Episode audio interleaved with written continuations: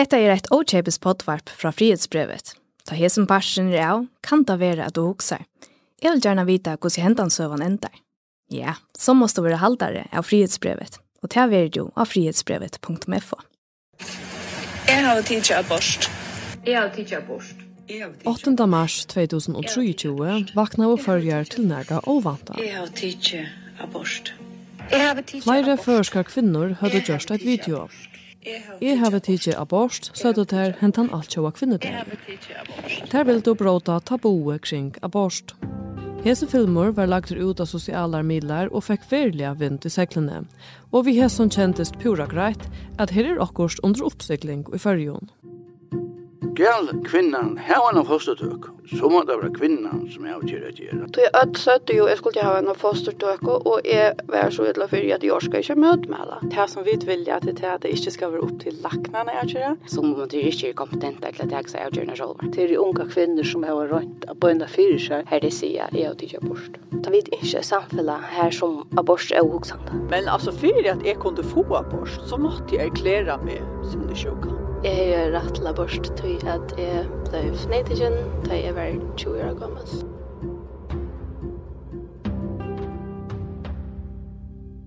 Tu lursar etter fyrsta parste av podvarsbrøyene vi tava tidsje abort.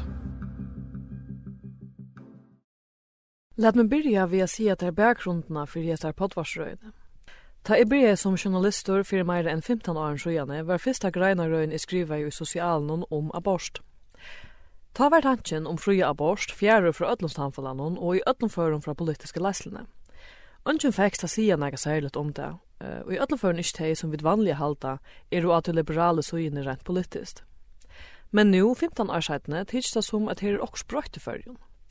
Ta i hørte Axel V. Johansen, Løkman og hina samgångeleierne 8. mars sia at her vil jeg etter Mali opp, hos sier at nå må jeg helt til færa kæva attor og gjeta gamla tjætj, Og ta så Bjarne Kara som Petersen boa ifra, at nu for han undrat enda sko abortlovna, ta vær ønsken iv.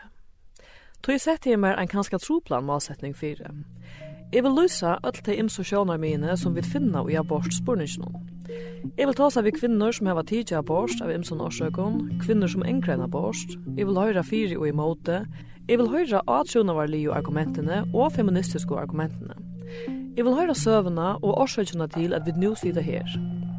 Jeg vil høre om avvarskanene utenfra som kanskje har sett fer og en av nødtjarrørslu i fyrrjum. Ja, jeg vil verlegge noen høyre alt. Tog hese 15 årene har vi øtlenføren lars med eit. Abort er ikkje en spårningur vi en einfalt om sverre. Og det er årsaken til at jeg nå har brukt nekra måneder og på å gjøre en potvarsrø om abort. Så, kære lortare, velkommen vi av rannsaknar fer etter sverre noen opphavsporningen, skulle vi hava fria abort i fyrrjum, Lad oss seta av beina vegin. Vi vita ju helst öll at abortloven er fra 1906. Vi vita eisene at treitenar for å få en abort, ja, der er du ikke særlig logiskar. Til dømes kan du få abort om lagt en meter at du kan styrast verre fire salarlige autoi. En annen årsøk er om mett verur at fostre kan få onkra sjukur, som til dømes epilepsi. Altså kunne nøyvan vera nekvar imiskar meiningar om at hendan loven er så i ötlandføren ikkje kjølfest i 2023. Men fyrir fyrste fer hever et landstøyre nu sett hetta mali av breddan. Følg jeg vid omkringna skilta for jeg følte at jeg hitje etter henne og vidt om ikke kunne komme til en semje så skal vi få en dag for det lov. Sjåvande, vi vet ikke hva til arbeid endar vi, og til skal vi nok komme atter til. Settene. Fyrst må vi tega utgangsstøye i Arnon som vi er i just nu. Tøy fyrir mer av søtja ser det ut til at 2023 er året her kvinner av olvara er farnar under at bråta taboe og krevja abortstrattende. Det er alltid jeg kan tro at det er jo Maria ikke så nega navn kom, kom upp och ta bara vår jobb. Kan du börja vi att säga ditt navn? Alta Mor Einardytt. Mittlen tarra finner vi Alto som vi just tar då rötterna av Og Marie Torkarm. Tøy fyrir i år tog og tærst over til at her vil du gjøre en film. Og tøy byrja vi tesa potvarsrøyna tja taimon og tanken om at han fyrir er sige ødlom fra at her er altså flere kvinner i fyrjun som heva tidje abort. Vi gjør då et kjedbra um, som skulle få ja, folk til at stilla, ikke stilla seg fram, men til at tåra sig at de eisne og de kjenner abort. Um, så vi gjør det kjedbra og her vidt uppfordra folk till att skriva under och på ett ett dokument och så sent dere et, ett video här det sier jeg och tidligere bort. Där vill du stille sig fram sammen med øren och køyre skommene fra seg. här. og Maria har haft nok sånn, vi har faktisk brukt för en annen rett og jag till att jag har alltid kontakter rævlig ofta av imuskom folk som vi slett ikke känner eh, om att og kan, kan stå stilla det fram eller om som du känner stilla uh, vars du om vi kunde bruka till det här hesa grejerna eller ehm um, och det är det är alltid är ganska ehm um, kan känna sig syntesis emojande eller eller man kan vara jag, jag får alltid syndigt för hjärsta. ta i så jag onkel ställa sig fram och så kanske eh ja få en respons på det och sånt och så halt jag vi gjorde det att jag vid lukka som, så vi da tås nok snakk om, om akkurat to känslorna och lukka som at, at er det virkelig en nøyot at man skal stilla seg fram personligt og si, jeg har hei det her, eller at du er jeg har tidkjennet bort. Um, og det var lukka som, og tog, så vidt om at, at vi gjerne ville stilla okkom fram sammen vi øron, og lukka som, hvis man, still, hvis man ikke skammast, så kan man ikke alltså utskammad ja. Så det var liksom det som var meningen viktig. Ter sendte du et kjedobrav ut til flere kvinner. Og i breven hun stod, hever to tidsi abort, eller vast jo om omkran som hever. Og alt jo av kvinnedelen 8. mars for jeg vet at letja et filmsbrot ut av sosialar miler, vi føringon og falkon i fyrjon som hever tidsi abort. Vi filmsbrådet noen og en tilhørende samhoa breve vilja vidt bråda tøgnene og vise at vi standa saman, at vi ikke skammast og at aborter er uvanligere. Tu lotekur vi at teka video av ta sjolvare, her du sier jeg have tidsi abort. Send til okkont ut video, og send detta kjedebrevet vujere til ånder som du veit have tidsi abort. Saman teka vi dreie av egnon opplivingon. Mm, vi brukte ekstremt negativt, vi tog så rævlig langt telefon om hvordan vi skulle gjøre det. Och i början var det öliga sort, eh, ska det vara anonymt, eh, ska det inte komma från oss, ska det komma från fra frun väl och allt det sådär ting. Men i allt vi kom fram till att, att det var bäst bara att vi svid yngst och öppenläka och att, eh, att det inte skulle vara några skom förbunden vitta så skulle vi där tåra. Så jag vi ville som inte tog i hånden av kvarnören och var så att okej, okay, nu är vi bara mega konkreta och beinleis och, och så vånar vi att det här um, lukka som sast atru brevnen og kanskje eisen smittar at så lukka som folk og det er kvinner som vi sendte til og kanskje om onker visste om onkran så tår jeg senda det vujar til, til lukka som ikke er en fremmande journalister som er så is, åh oh, hei, jeg vil origin hava en søve, hevda en søve men at det lukka som er så is vi tfer ikke gjerne nega vi tøyna søve som tog ikke till vit vet är er sarbærar og i sånn her. Men hvis vi stannar saman er vi ikkje sårbare. Eller så. Ja. Og hvordan var så altså, responset på etter det? Altså, hva, hva satt det til kvinner som tid sendte det til? Eh, eh, alltså sommar var ölen jag Iva eh, så det var nog som kom också sent eh in alltså skrev hon också sent under men men som skrev bara under som skrev bara under och sände mailen vi vi tar video så knappt jag laddade bara en video av e-mailene, og det var noe som så jubla og ut liksom min jag sån chatt någon till att till att onkel faktiskt inte säger ju bara så yes jeg gjør bare til punktum. Et eller så så og ikke inte bruk for at, så må jeg dem her, vi ångat du oss så vi så igen eller så så här vi vi där bara omkurera tror jag vi tar vi samme video. Prat någon. Fyra onkrar av dem hon var där og et øyelig størst i, og det er eisen for meg og Maria, men at for, alltså som när den var där jo, är krautet att lugga vi tog en telefonsamröve och lugga som tog så jag kan kalla vad vi skulle bruka det till och, och sånt. Ja. Och er det lugga som konsensus om altså, du också en sånn samrøve, uh, du vet eh hvordan gånger til å fyre sig er det en sort hej jeg var gott att det gräns grensivskrivende, men det är superviktigt att vi bråda töknen eller kvärt action är argumentationslinjen så att det kan Jeg halte, ja, det vet jeg. Det var lukket som, hei, faktiskt inte så, vi, vi tar så realen jeg så vi må inte pressa nærkant litt der, så är vi akkurat lukket som ett land, et eller så säga. Det ska komma från eh, tar, tar, alltså ja, från hjärtan. Lad dere att velge vi skammene enn å løte. Tui, det er et år, en kjensla, en strukturell verleidje i samfunnet som flere kvinner som jeg vil ta seg ved i hesson arbeid noen heva nevnt. Heldur du til er nek skam forbunden vi abort i färgen? Min kjensla, är altså utfra at det var tåsa vi nok snägg folk. Vi jag nog snägg nog snägg att i år att själv är folk som kvinna og i färgen. um, så er det en skom ut og ja. og det er ganska eisen en underliggande skom altså det är kanske inte bara det här tåsa om det.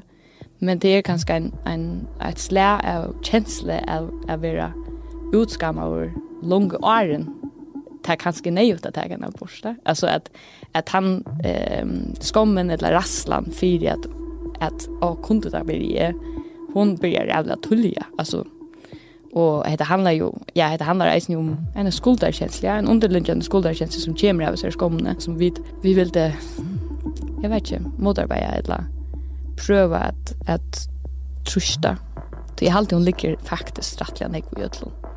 Ehm och oavsett om du tiger en eller inte så är han den här.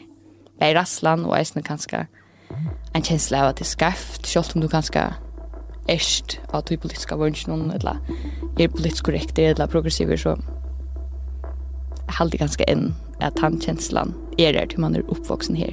Du kan utskammas for at du er kvinna. Her er ikke mer som kan utskammas for at du er en abort eller at du er det.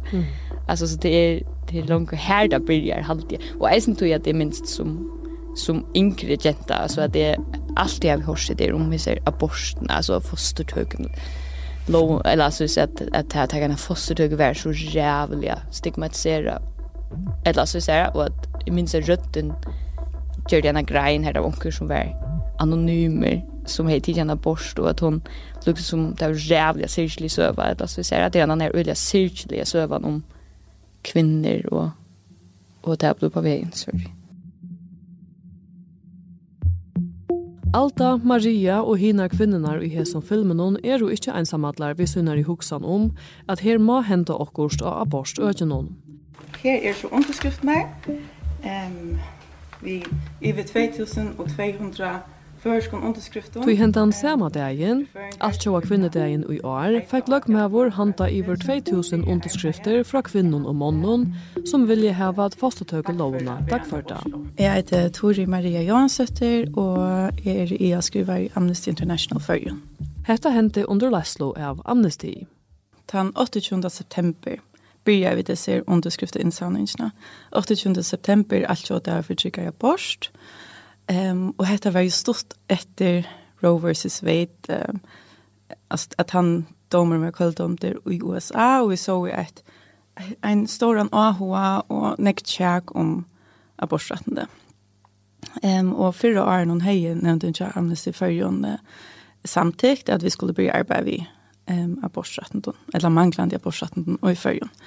Um, Och då börjar vi en underskrifta insamling 28 september som vi så som du ser han där lägger ehm tan 8 mars och allt jag kvinnor. Och här visar vi då ehm och kan jag mig om abort. Kvui heter här är en rättande en rättande som kvinnor i förjon må få och att verande stöva inte är inte haltbär. Ehm um, och vi heita tog og om at det blir arbeid om at om at uh, at dagføra aborslåna så kvinner i fyrjon sjølver for mølegan at tagga avtjur om egna kropp og egna nøring i liv. Tid för tid finner ju att som jag kritik är sånt att det var ute ju också att tid har en hållning till det vi talar att det ska vara fri abort. Ehm man kan börja spela det kvui ska det vara fri abort. Vad vad är det viktiga ut och helt då? Da vi sier fri abort um, så vil jeg lukke si at vi tar sig inte om en fullständiga fruja utan ärmarsingar alla nästan jag hade alla abortlover her ved ærmarsingar. um, det som vi vill att det är att det inte ska være upp till laknene, är det, men att det ska være opp til kvinnerne. Hvis kvinnor inte kvinnor och alla personer som är mulighet för å bli oppe av vägen, det her inte har händan um, ratten at jeg er utgjør om egnan kropp og liv, så, så strøy det imot nekvånd grunnleggjande mann er ratten dem. Ta jeg kvinner ikke har rett at jeg abort etter egnan vilja, så strøy det med en annen måte ratten at ta utgjør om egna helse, nøring, eh, framtøy og eisen retten til jaunratt, ikke å være for mismåne, og til viring og verje av privatlønnen.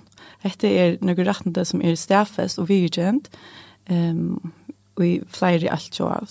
Man har retten til sottmalen og eisen og, og tilmalen fra, fra nevnton, ST nevnton. Men er abortloven en jaunstørsborninger? Det kommer man av være, ja. Um, ut fra mannarätten så kan man säga att att det är en missmunner vegna kjen, og skäga av at det er en hälsotjänst som är specifikt till kvinnor um, eller til folk som kunne bli opp av vägen. Och tar det är en bølger som behöver törva avvisare hjelp, så är det en, en, en missmunner sampast, sampast um, seta um, så att man seta nämnderna. Seta, eller CEDAW, som är en ST-konvention om rätten till kvinnor, hever nämligen att giva förengon höverbrudg. Tog forskvinnan och i ST-nämnderna som viskar fyri att borsturbejna missmånen mot kvinnon, Nicole Amelin sier så sent som av somre 2021 at hon heller inte at fyrir livet opp til sattmålen vi vujande abortratten til kvinnon. Norrlandarsraje hever eisne skift år om hetta og i 2021. Ein meirlod i nevntene er at kvete ta med den anna fire at hei halta at hetta mali eire tagas opp i fyrjon til vidgerar. Vid vira førskar sjolvreie, men heita stegilige av førskar myndelagar om at gjere oks vi male, så at lokavan er i tråd vi ST-konvensjonene om retten til kvinnor, ta sier Bente Stein Mathisen, norske politikare i Norrlandarsranon i 2021. Tui fyrir heva bonte seg til hentan seta og sottmalan, men i 2021 var vi ettermett av ST og fonnen og løtt, just årsaka av abortstøvene til kvinnon. Seta og nevntin malte tui til at føringar for i under a brøyta hesa lovgavna. Om hesen sattmalen edla trusht utanfra er og årsøgjen edla ikkje, så er politiske viljen i ødlanføren av sutja til er sinter større nu vi skriva 2023 enn han hever veri avur. Tui såleis søtt og samgångeleieren i mars vid det og vike. Ja, kvosser skal han dagføra, så den går med lov, så man hever som en treiter for, for her kvinner som eier takk avgjørna. Vi åttu at rønt om vi ikke kunne smuja enn av førskalov heldur enn a bæra kopiera til danske. Og så halte jeg at det ikke er en lagt ned av samfunnet som er endelig avgjørende, men kvinner selv som er avgjørende. Og så gjerne hever Lasersmøveren i Lovarmalen, Bjarne Karasson Petersen eisende sagt, at han nå for å sette en bølg at kanna og lysa hesa etlegomne lovene, og at han vanta seg undertøke fra samgångene til å dagføre lovene, hva enn til mestur i tøgjelja. Som sagt, ta venda vid attetil. til. Tui trusti utanfra er ju ikke det eneste trusti som først politikere heva mest til seg senest og årene. Alltså helt extremt gott ända då kunde grejas kvinnlig autonomi och kvinnlig En fällskapor som väl hur finns luft under vantarna sina så arne är fällskapen frukt väl. Ja, det är Lisa Vank, och jag är nämndarlimmer i Frion väl. De arbetar för att förska kvinnor skulle få retten till fria abort. Eh Elisa kunde också med att börja spurste är abort en jämställdhetspolitik avgjørst. Kui? Eh, tog at eh, at få et baden hever øyla nok var implikasjoner vi ser. Derfor, jeg har ikke hos avlengar, men det hever eh, filter og i tann forstand at det avvirskar inntøkker og etterløn og ansintet og så framveg oss. Um, og så grøyper det eisen inn i en frihet som menn hava, men som kvinner ikke hava eh, vi er banna abort. Um, Ta man snackar om uh, fria abort i som vi, vi har gjort, må jeg säga, øyelig ofta uh, och i, och i öliga några år. Och sånn har det hänt en lovene framvis från 1906, tror jag. Eh så så är det alltid som spårning om klass över baden om. Jeg har baden inte rätt under eisene. Ja. Hvordan för halda det det til till transporten?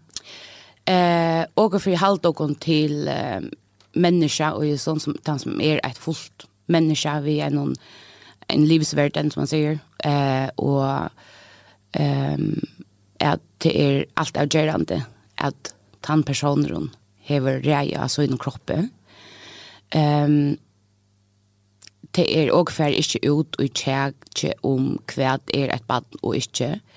Personliga, jeg vet ikke om det er interessant i snøp men personliga med det ikkje er en personer, altså det som kan defineres som en person eh och i fall at är ett ett avstvigetal och och färra helt ut i vilket och sort det här är det eh folk vi är om faglig kompetens som tar avgör om. Vad är det så som som tid arbetar för det? Och arbetar för 100% eh, alltså kroppslig eh reje tja kvinnor.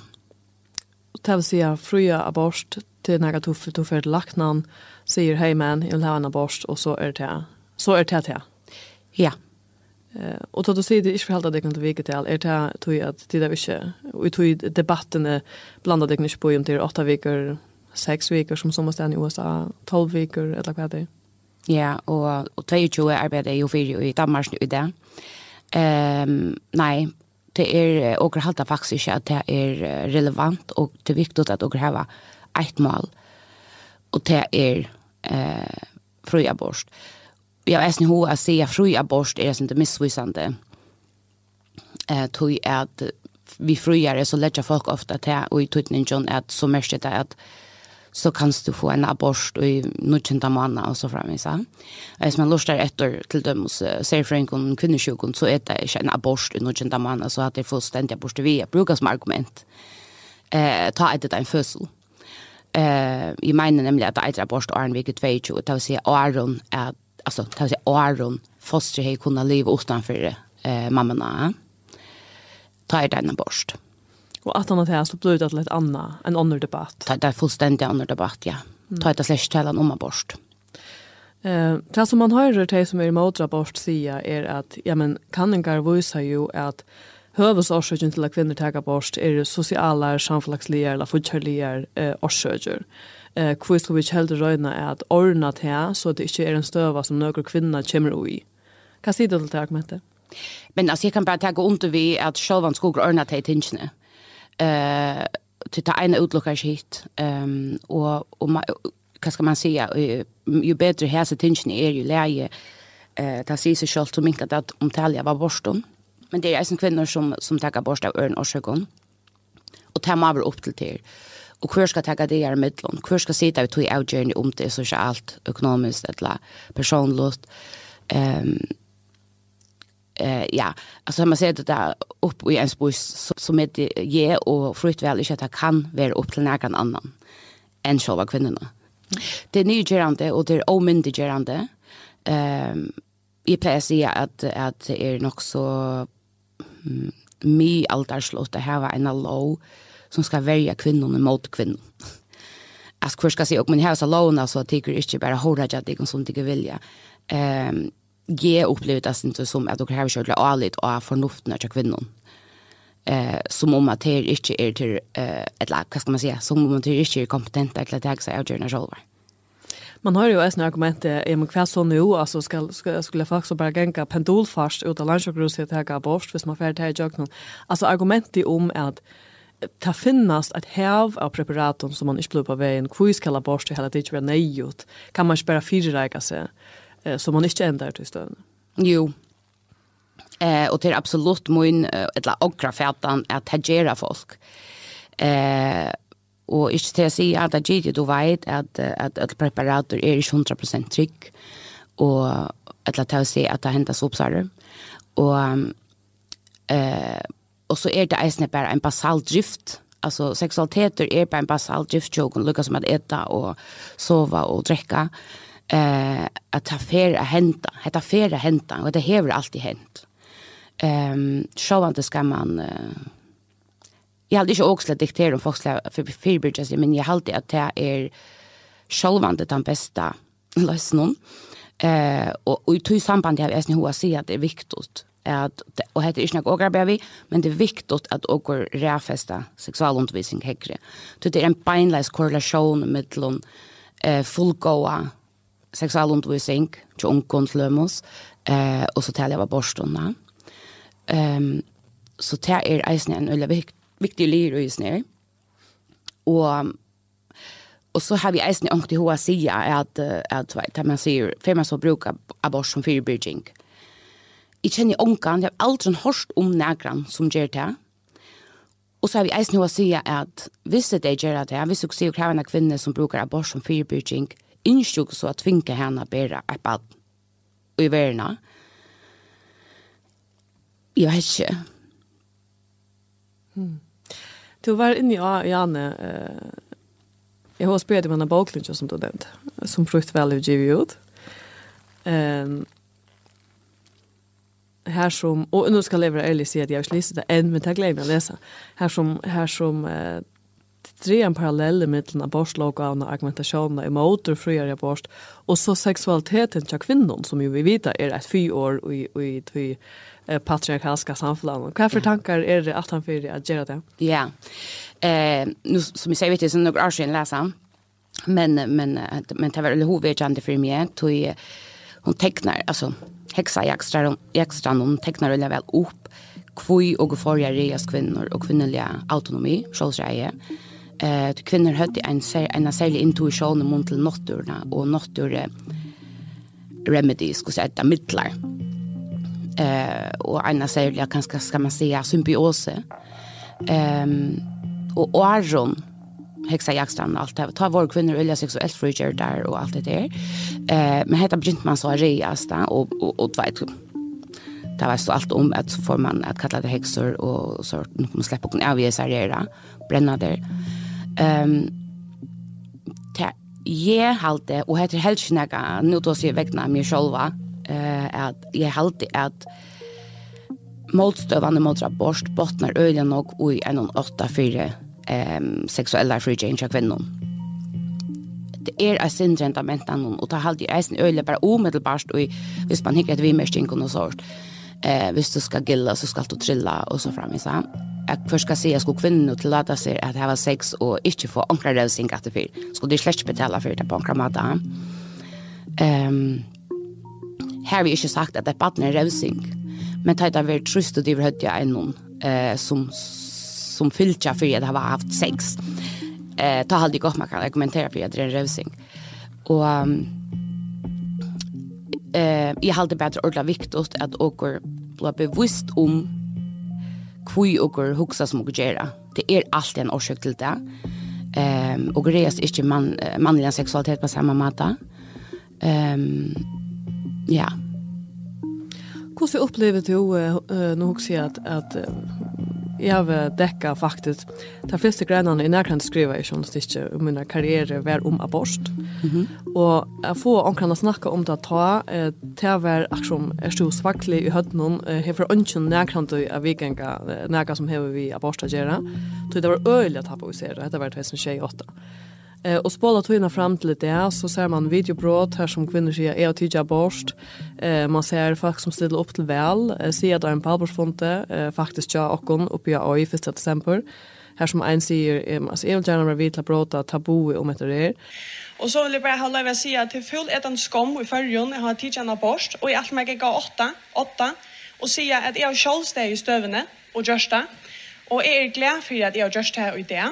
Og vi chans for jeg ble kattlet over bæg for mordere og alt mulig annet, så var det en støve som er stå i, som jeg var veldig kjett av. Og tog bedre bo i Danmark da, og ikke før. Hesa røttene eier Aimi Helpo, hun var vel evne for sambandslåsjen til løkningsvalget i 2022. Eh, altså akkurat som at det er akkurat som er brøyt. Ja. Hvordan opplevde du det? Ja, ja, alltså väsentligt. Och jag vill se upp just för att det som tjej, alltså jag har alltid för två månader sedan. Men det är inte lika legitimt. Och jag räknar vid det är en, en blandning av de möjliga. Um, för mycket vi kommer att det är helt just inte blir från för alltså jag vill vi arbetsbolsen och allt det till frukt väl att ta ut vad som säger en sort. Men jag minns gott jeg visste ikke om jeg skulle se den navnet kommer av andre listan, du vet, vi, vi fyrst andre folk, jeg kan kvadrere till tänkte så för ankra spotta mitt namn och så för att lägga min karriär med like och då vet Att jag tänkte det. Mhm. Utväsen säger jag. Ehm, i gjorde det. Ska jag alltså säga men men det var ju vi utan var. Och jag hade att att feminismen har finche har finns luft under vänner. Alltså så är det Arne. Eh bevissthet om bevissthet om att att um, det som man säger enskon att claima ting eller reclaima ting ehm tror jag att jag då har vi inte först år för det det det som skilt att man tar som sånt ting. Men det som ett slot shaming till döms mm -hmm. och alltså sett år av slot shaming ja. Där jag var teenager ta vart här så så internaliserat jag öllon ehm om man är inte begrepp för det. Det var bara go teacher socialt att Ja, och vad är slottsheming det lukas förklara. Ja, och det är synd du tror att det som snackar ju om att att en kvinna som uh, ligger och i vid nog von ett la du vet att att att skamma kvinnor som är sexuellt aktiva och kanske inte delja det. Eh, att kvinnor är förna tagat åter, alltså att att uh, kvinnor vill vara sexuella men inte sexualiserade det er en uh, vesentlig måneder. Du, du er en før noen etter to som er valgte, og i noen etter, etter kanskje, som oftast mennene som har valgt å tere. Eh, så åker har feminisme, åker har en, en oppgjør mot slutshaming, og eh, åker har um, eisene, hva skal man si, kroppslig autonomi er eisene innenfor kroppspositivitet til dømmelser. Til nekka vi at du sier at det er min kropp, og slipper seg diktera mer eh kväda vad ska hända vinner inte. Eh och så heter det här som som jag inte plejer säga att you can't shame the shameless. Jag har alltid haft det synte för in om hur hon har tja hesa rörsle. Att hvis jag inte skammost så kunde jag inte skamma mig. Ja? Vi inte føler skam så avvåpna du mot stövfolkene på en kramata. Och det är innanför en kvar jag säger att alltid allt avgörande Ter trutjar Elisa, Alta og Torit Maria er og samtar om at 2023 er blivi året her førska kvinner i håpatale bretta opp om ermar og krevja at nu skal fostertøygeloven dagførast og gjerast linare. Og i fyrjun hever hetta i gos immun til kvinner at det veri en sånn knuter som hever li så rævlig lunge og som i halvmann som hegg rundan om atla tøyna, vi må til öll jaunrattende eller så og ja, at det er noe som kanskje er eh, nå, av et Jeg vet ikke hvordan vi vil gjøre det nå. Jeg, jeg skjønner det, jeg er yngst at jeg har alltid sånn, altså, det er ved et, stru i lunge, men det er ganske ikke så hardt. Det handlar eisen om, om, om stoltlega, å kunne standa inn for det her lover man hever i en lande, å kunne, kunne sige, vise og hva det er for rettene man, man, man virar og hva ikke. Nu hava vi i som första parsten hon tidsi utgangsstøye og i teim og kvinnon, rørslun og fellesskapun, som er i mittlen terra, som hava tidsi kampen om abortraten til opp, nu vidt skriva 2023. Men ter er jo bare en av særliga tveimon sterskon rørslun. Tui av hinare inne hava vi ter som arbeida fyri at fora fyri fostetøkon i fyrrjon. Ter innskja eina hering av nugamlo lovene. Her er årsøknar i øyla større mån, eh, fortjelligere, sosialere og samfunnsligere. Og jeg tror jeg 50 av føren. Hesa rættina eier forskvinnan i færja Provita, som er fellesskaperen som arbeider i måte Abort. borst. Og henne skulle vi sjåvandi eisene komme til i hesa repotvarsfrøyene. Men tær som nu vilja hava loven av brøtta, bytja av herrarna tja som undan fore. Tui hentan loven fra 1906 som vi altså tåsa om, hon er en dansk lov som føringar tog og tilsyn ta miskajis ui halsrusjonon. Men longo i 1973 koldømdo daner hesa som lovene og gav kvinnon ratten til frie abort fram til 12. vike. Og i nasa parste færa vi tui atur i tui. Og, og så får man selvfølgelig litt å spørre, ja, men hvor, hvor er du her, og hva, hva er det hent? Og så først du flere ferdene søvende at det er unge kvinner som har rønt på en av fire seg. Tog der røret på veien, og her var ingen hjelp å få. Det var så osalig helt åt akkurat da, at det var kommet en dansk og sjalerlakne til førjer. Og han var fire abort. Du hever lusta etter fyrsta parste av podvarsfrøyene tja frihetsbrevet vid hava tidje abort. Vi tar du i sendingene noen bråd fra deg og vika, og bråd fra tiltaket tja frihetsbrevet av oi 1. desember i fjør. Tondagen hever Thomas Arendt Kjørst, og jeg, Barbara Holm, hever lagt til rattes. Musikk